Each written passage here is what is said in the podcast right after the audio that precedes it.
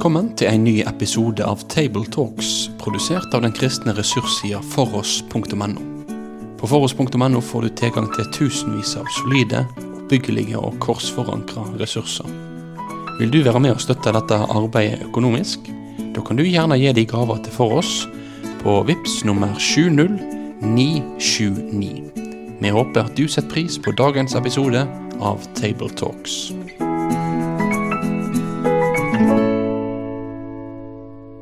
Hjertelig velkommen til en eh, ny episode av Tabletalks. Det er podkasten der vi snakker om søndagens prekentekst. I dag så skal vi snakke om eh, teksten for fjerde søndag i treenighetstida. Treenighetstida er den lange perioden av kirkeåret hvor det ikke er store høgtider. Eh, fra pinse og fram til vi kommer til advent igjen. Og Nå er vi kommet i gang med treenighetstida, og treenighetstida er en tid hvor vi leser mye tekster som handler om etterfølgelse, om det å være Jesu disippel og, og livet med Jesus.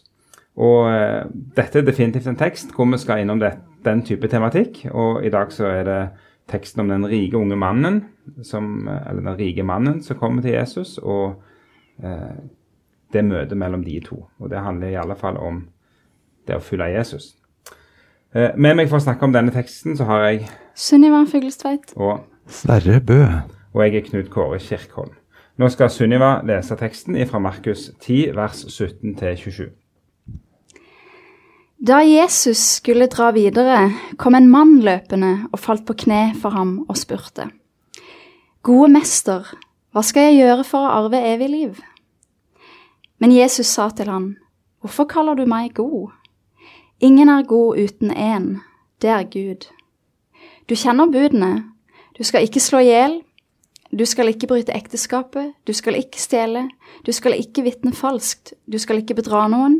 Hedre din far og din mor. Han svarte, Mester, alt dette har jeg holdt fra jeg var ung.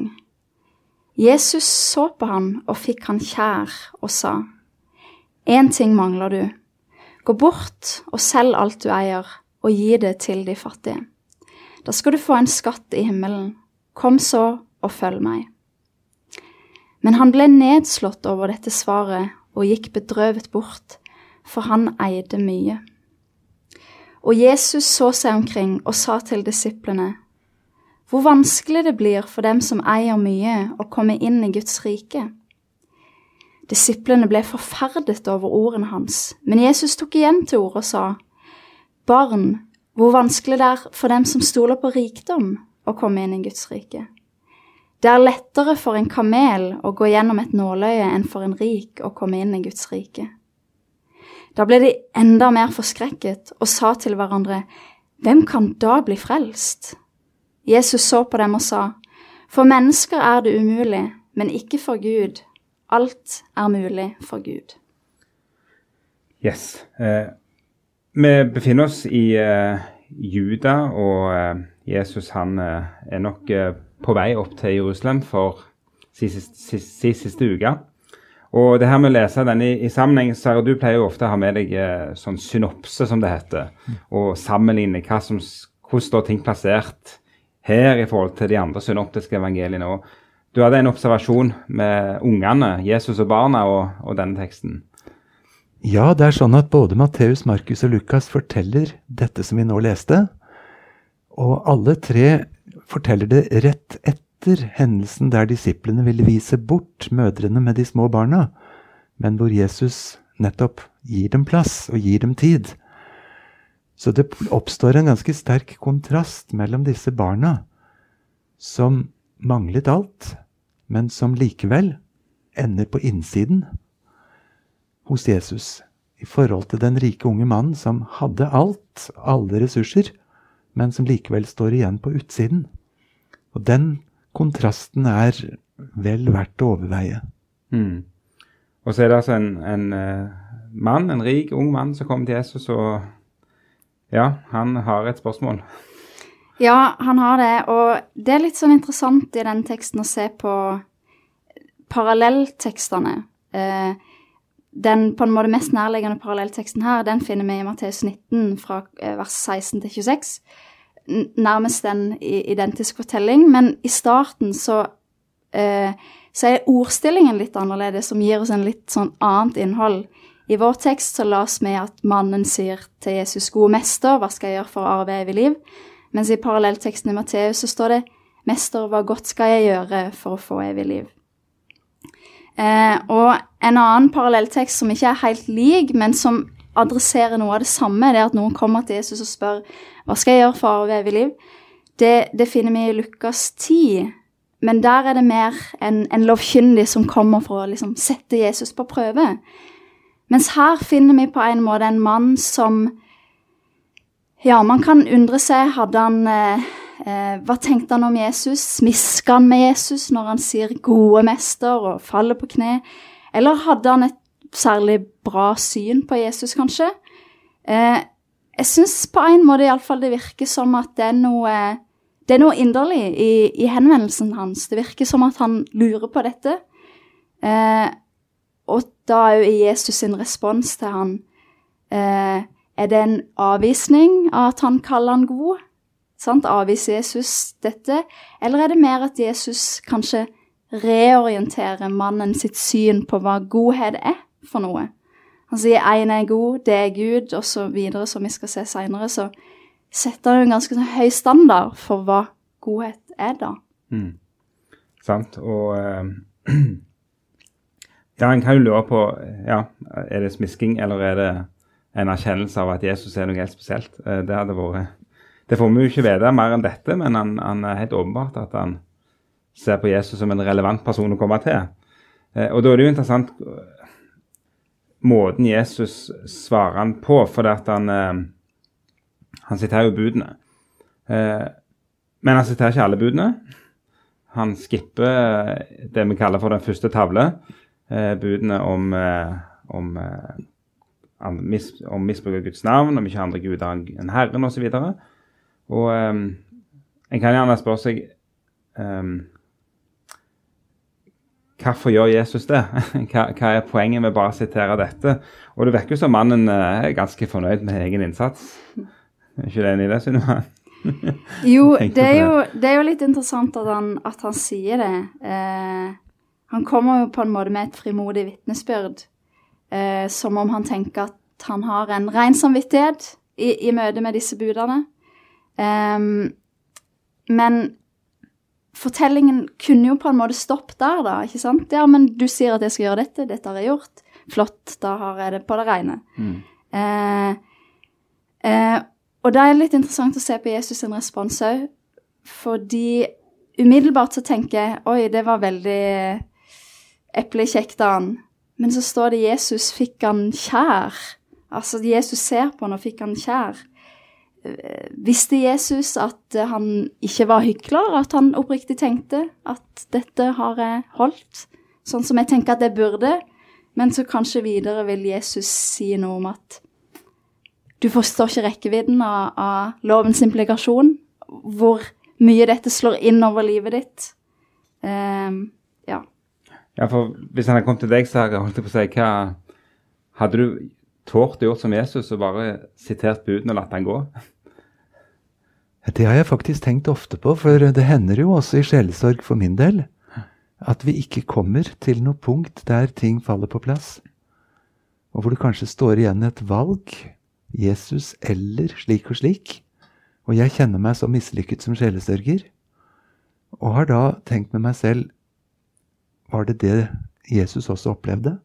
Var det mislykket sjelesorg? Vi kan jo si en så ressurssterk person. En som var så nær, og som likevel ender på feil side. Og vi aner ikke bare smerten hos den rike unge mannen, men enda mer hos Jesus over å la ham gå.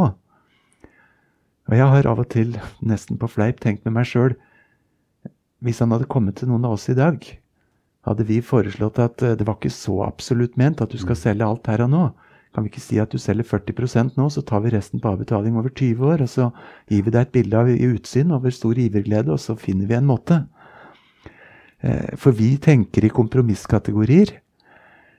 Men kanskje stikker dette enda litt dypere enn som så. Jesus var jo den allvitende Gud, en sjelesørger, som kunne se hvor akkurat denne mannen sto støkk. Hvor er det han er låst? Og det ligger jo på en måte et paradoks i spørsmålet. Hva skal jeg gjøre for å arve evig liv? Hvis jeg fikk kontakt med en av disse milliardærene vi hører om i mediene, Stein Erik Hagen eller Kjell Inge Røkke, og sier du, jeg har lurt på noe, hva skal jeg gjøre for å arve formuen din? Så hører vi det meningsløse, for det er jo ikke noe jeg kan gjøre for å kvalifisere meg til å bli arving. Det er noe du blir født til, eller ikke født til. Så det ligger et kjempeparadoks i det. I bakhodet så hører jeg også en episode i Johannesevangeliet forteller. Hvilke gjerninger skal vi gjøre for å gjøre Guds gjerning? Så svarte Jesus, dette er den gjerning dere skal gjøre, at dere skal tro på ham Gud sendte. Så de ber om en liste, overkommelig lang liste over ting de skal krysse av. Men listen, loven, erstattes av noe helt annet. Eh, du skal få lov til å tro på han som gjorde det istedenfor deg han som gjorde det på dine vegne. For å si det evangelisk. Mm. Og det, for jeg tenkte jo på det at det, hvorfor, Jeg spurte jo her hvorfor skipper Jesus, hvorfor hopper Jesus over det vi kaller første tavle, budene om forholdet til Gud? og, og det, er vel, det, er vel, det som er grunnen. Altså at uh, her Problemet til denne mannen er jo at han har satt sin tillit en annen plass. Det blir jo som uh, store katekisme. Sant? Din Gud er det du stoler på. Det er kort og godt. I, i all din nød, den du går til, den vil være din Gud. Og Det er jo hårde ord ifra, ifra katekismen, men, men, det er jo det som skjer her òg, at, det, at uh, nettopp ved å sette fingeren på det ømme punktet, så ser vi hva som er den ultimate tillit, den egentlige som man stoler på. da. Og Der møter vi noe av Jesus som spesialpedagogen. Han ser og kjenner dette mennesket og går inn i den virkeligheten. Et annet menneske kunne Jesus kanskje ha møtt på et annet punkt, hatt en annen rekkefølge på bud, hvis det var det. Um, og det er jo min bønn og min drøm at vi som forkynner og sjelesørger også kan ha den åndelige visdom og møte det mennesket vi nå snakker til, akkurat på den frekvensen som Gud har noe på hjertet. Ja, for det, teksten her er jo på en måte veldig uh, aktuell for oss òg, og vårt personlige liv med Jesus. På en måte så Umiddelbart når jeg leser det, så kan jeg tenke at Jesus på en måte avviser mannen her litt i sin respons. Gå og selg alt du eier. Det er noe veldig sånn voldsomt og radikalt noe. Men, men, det virker jo som han ønsker på en måte ha han liksom on board. Og så peker han på det som Dette her tror jeg vil Eh, hva skal en si Det vil være vanskelig for det å være min etterfølger med tanke på denne tingen her, som binder det sånn. Og eh, her peker jeg på det og ønsker at du på en måte skal bli fri fra det. Og, og det tror jeg jo at uh, vi alle har uh, ting i våre liv som, som du sa, Knut Kåre, som vi setter vår lit til, da, og som kanskje gir oss ekstra utfordringer i, vår, i vårt disippelliv. da. Og det tar oss gjerne over på det som er et ømt punkt for oss alle, nemlig at hvis du går ned i enten boden min eller boden din, så, så er det mye ting der. Han eide mye, står der. Mm. Og eh, Jesus eh, tar jo tak i dette med rikdommen. Og eh, du nevnte Sverre, at eh, vårt instinkt ville kanskje vært sagt at du kan ta 60% på avbetaling og slippe å gi vekk alt. Og eh, hvordan løser vi egentlig dette her? For dette er, er jo et veldig enormt radikalt Altså, jeg tror det, det er rett å si at uh, Jesus kommer med det han kommer med for å sette ham fast. Uh, og så er det jo samtidig at uh, hadde Jesus kommet til meg med dette, så hadde jeg nok blitt bedrøvet, jeg òg. og vært litt i villrede hvordan jeg skulle for, forholdt meg til det, til det kravet. skal jeg virkelig selge hus og bil og alle møbler, alle eiendeler? Eh, og leve livet på gata. Ikke sant? Eh, det koker jo ned til det spørsmålet. Og, og, som sagt, instinktet vårt er jo at vi vil, vi vil eh, avkorte. Og så må vi selvfølgelig ta med oss at, eh, at de, alle de fleste disiplene av Jesus i kirka som vokste fram, hadde jo hus og, og eikte ting. Eh, hvordan, ja. Vi har en veldig skarp og alvorlig, men også illustrerende fortelling i apostelgjerningene 5. Mm. De første kristne de ga jo bort mer og mindre alt de hadde, og solgte eiendommene. Og det står ikke at det skal alle kristne alltid gjøre, og vi får ikke inntrykk av at det gikk så bra i lengden med dette. Men vi får et sterkt inntrykk av en overgivelse til Herren. Men så har vi denne fortellingen om Ananias og Safira, som også solgte sin eiendom, og som ga 80-90% av salgssummen til Peter og apostlene, men de holdt litt igjen i bakhånda selv. Og når Luther beskriver den teksten, så sier han at sånn gjør vi mennesker. Vi vil ha litt i bakhånda i tilfelle Gud skulle dø i dag eller i morgen. For vi våger ikke helt å stole på dette prosjektet. Og så skal vi sikre oss med et eller annet. Og det blir så ynkelig. Og det blir så avkledd. Og eh, Jesus blir jo kompromissløs i det han her skriver. Og I den teksten i, i Apostelgjerningen 5 så sier jo òg Peter at du kunne jo beholdt pengene sjøl. Eh, det var at du lyger. Det, at du liksom, det, det var det som ble så ufattelig feil der. Så det, det, og, og, jeg tenker jo at Jesus modererer jo ordene sine når han snakker til disiplene. eller modererer, men Han sier, han sier det å stole på sin rikdom. Det er det som han, det koker ned til. Og, og det finner vi jo òg i 1. Timoteus brev òg, der, der, det tales om, om, det å ikke stole på sin rikdom, men å stole på Gud. At det er det som er, som er saken her. Og så handler om å dele og være på en måte løst fra rikdommen sin, som vi ville sagt borte i Rogaland, der jeg kommer fra. Eh, og, og, og, det har noe med hva holdning og forhold en har til sine eiendeler. At det koker litt ned til det, da. Men eh, ja. det tar ikke vekk tekstens brodd, men eh, han mm. står der. Ja. Og, og, det viser oss jo litt som, som du sier, da. Eh, denne teksten taler kanskje ikke direkte til alle. Alle kristne burde selge alt de eier. Men, men mer saken, det med å stole på noe annet mer enn Gud.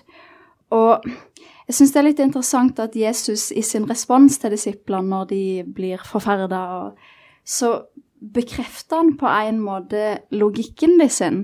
Bekrefter på en måte at dere har rett, det er på en måte umulig. Eh, men så plasserer han den umuligheten hos mennesket. For mennesket er dette umulig, men for Gud er det mulig. Og, og det tror jeg jo på en måte må være en bønn for oss i, i, som kristne, at Eh, som menneske så har jeg en tilbøyelighet til å stole mye mer på Gud. Eh, nei, mye mer på alle mulige andre ting enn på Gud. Og det trenger jeg å, å be Gud om hjelp til, å bli fri fra det. Og Gud, som er den som kan ta ut mitt steinhjerte og gi meg et kjøtthjerte og forandre mitt hjerte, så, så er det mulig. Mm. Det er et viktig poeng å, å ha med seg at uh, plassere umuligheten på rett, på rett plass her. Det tenker jeg er bra. For det, det koker vel egentlig ned til at uh, Jesus setter han fast med loven, for å bruke en veldig sånn luthersk formulering her. Uh, at det er det det handler om. Og det er ganske vesentlig, så ikke vi misforstår teksten i retning av at den rike unge mann hadde blitt frelst av å selge sin eiendom og gi det til de fattige. Altså, Hvilken gjerning var det som frelste deg? Jo, det var den gode gjerning at jeg ikke bare fulgte budene, men at jeg solgte all min eiendom. Så var han jo da kvalifisert på lovens måte, hvis det var slik å forstå. Mm. Og det er det ikke. Vi må snu det sånn som Sunniva sier. Han var bundet til og låst til. Han var faktisk ikke i stand til å følge Jesus, for han fulgte pengene. Og så kan det hende at Jesus ser andre faktorer som binder oss og liv kan være fullt av sånne bindinger som hindrer oss i å følge Jesus. Det er ikke mulig å tjene to herrer. Du tjener mammon, og mammon er ikke bare et valg du har gjort, men det er noe som har tatt deg. Så du er låst til ham. Det er umulig for deg å komme løs. Her må alle båndene løs. Ellers så er hjertet ditt fremdeles på feil sted. Mm. Og så la Jesus mannen gå. Eh, det er jo et eh, poeng her at eh, Som du nevnte, er det, det er ikke tvang. Er, han, han, lar han faktisk få lov til å gå vekk ifra han. Og, og, og, sånn er det av og til at noen gjør det. Og det er forferdelig smertefullt.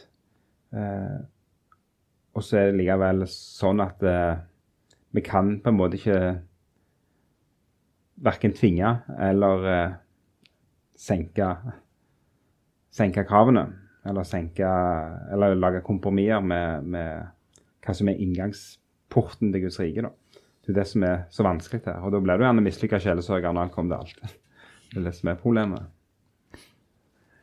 Vi kunne jo snu teksten og si er det slik at Jesus satt igjen med noen mødre og noen babyer, mens en ressurssterk, dyktig, innflytelsesrik mann med nettverk som denne, han går. Tenk hvor strategisk det hadde vært for prosjektet Jesus hadde, å fått en sånn på laget som til og med satt i Det høye råd. Og det er fordi vi tenker at det er vi med menneskelige ressurser som skal oppnå noe. For mennesker er det umulig, men alt er mulig for Gud. Og så sitter han igjen med tapere, med fattige i ånden, med dem som blir skviset av de mektige. Og så er det slik Gud bygger sitt rike. Her er det paradokser i rekke og rad. Mm. God observasjon. Eh, så har vi denne her Det syns jeg var verdt å nevne. da, det, det her med kamelen og nålauget, som jo eh, er et bilde Jesus bruker. Og jeg tror vi skal ta det helt konkret. Nå vet jeg ikke hvordan nåløyene så ut, men jeg tror fremdeles de var for små for en kamel til å gå gjennom. Og så er det jo et poeng som av og til noen tar, og som ikke er historisk så langt jeg vet, men, men fint teologisk. Det er jo det her med denne porten angivelig som heter nålauget, som var så låg, og kamelen som måtte knele for å gå gjennom den. Eh, det kjenner vi vel ikke til fra Jerusalems bymurer, men poenget er godt. Det, så vi kan vel si det sånn at det, det er ikke et historisk eh, poeng, men det er iallfall et eh, poeng som fanger noe av, av essensen likevel i, Jesu budskap. Da. Men det, det, er et forferdelig konkret bilde som ja, viser hvor absurd det er å tro at du faktisk kan klatre opp og, og komme inn på egen hånd. Vi skal gå mot en avslutning. Eh, og jeg har jo alltid et spørsmål til slutt, og det er hvis du skulle preikt over denne teksten sjøl, hva, eller hva er det du skulle ønske skulle vært sagt i tillegg til alt det andre vi har sagt? Sverre? Ja, jeg sitter igjen med en sånn underlig sår tanke om Jesus som ser på at han går bedrøvet bort. Og jeg er sikker på Jesus var bedrøvet. Og så er de på en måte to som er bedrøvet etter denne unike muligheten, ville en positiv bedriftsleder ha sagt. Og så løper altså ikke Jesus etter og finner et kompromiss, men han lar det være siste ord. Det er noe som binder deg, som må bort hvis du skal kunne følge meg. Sagt på litt moderne språk, det kan nesten se ut som om Gud respekterer å bli avvist. Og det har møtt meg i ganske mange bibeltekster når jeg gjennom noen år har jobba med en bok om Bibelens misjonsbudskap. Gud lar mennesket gjøre et valg. Og valget kommer ofte feil ut, og Gud blir så bedrøvet. Men han hevner seg ikke med å manipulere folk over på sin side, verken med tegn eller under eller noen annen maktgjerning. Men han byr seg fram og er på en måte den svake, som inviterer og fortsetter å gjøre det. Og når Gud respekterte et nei i så mange av disse tekstene, så taler det også litt til meg som kristen og som far og som forkynner, at vi kan ikke bygge Guds rike med sverd ikke med manipulasjon, ikke med kompromisser, men med Guds sine egne ord, som er veldig direkte, men som ender i det evige liv. Mm. Ja, eh, vi har vært litt gjennom det, men det bare vil understreke. Um, det er jo Det ene er dette med um, å få fram hvordan vi mennesker har lett for å lage våre rangeringssystem for hvem som på en måte passer inn i Guds rike, og hvordan denne teksten òg får fram det der eh, opp-ned-riket, på en måte. Og òg dette med, for å, å, bruke et litt enkelt bilde eh, hvis, hvis, vi har hendene fulle, så er det vanskelig å ta imot noe fra Jesus. Kanskje må vi kanskje peker Gud noen ganger i våre liv, ikke bare én gang når vi ble kristne, men mange ganger gjennom våre liv, noe som vi trenger å legge fra oss. Mm. Viktige poenger å ha med seg. Og med det så går vi til en avslutning og avrunding. Ehm, på foross.no så ligger der flere skriftlige gjennomganger av teksten, og det ligger flere samtaler over teksten, så her er det mulig å finne andre ressurser òg. Med det så takker vi for i dag, og vi ønsker Guds velsignelse over både du som skal tale over teksten, og du som skal lytte til tale fra denne teksten. Da vil vi si takk for at du valgte å få med deg denne episoden av Tabletalks, produsert av den kristne ressurssida foross.no. Driftinga og utviklinga av nettsida vår den er avhengig av gode og trufaste støttespillere. Vil du gi ei gave til dette arbeidet? Da kan du gi den via VIPS nummer 70929, eller så kan du besøke foross.no for mer informasjon om å kunne bli en fast giver. Ha en god dag videre.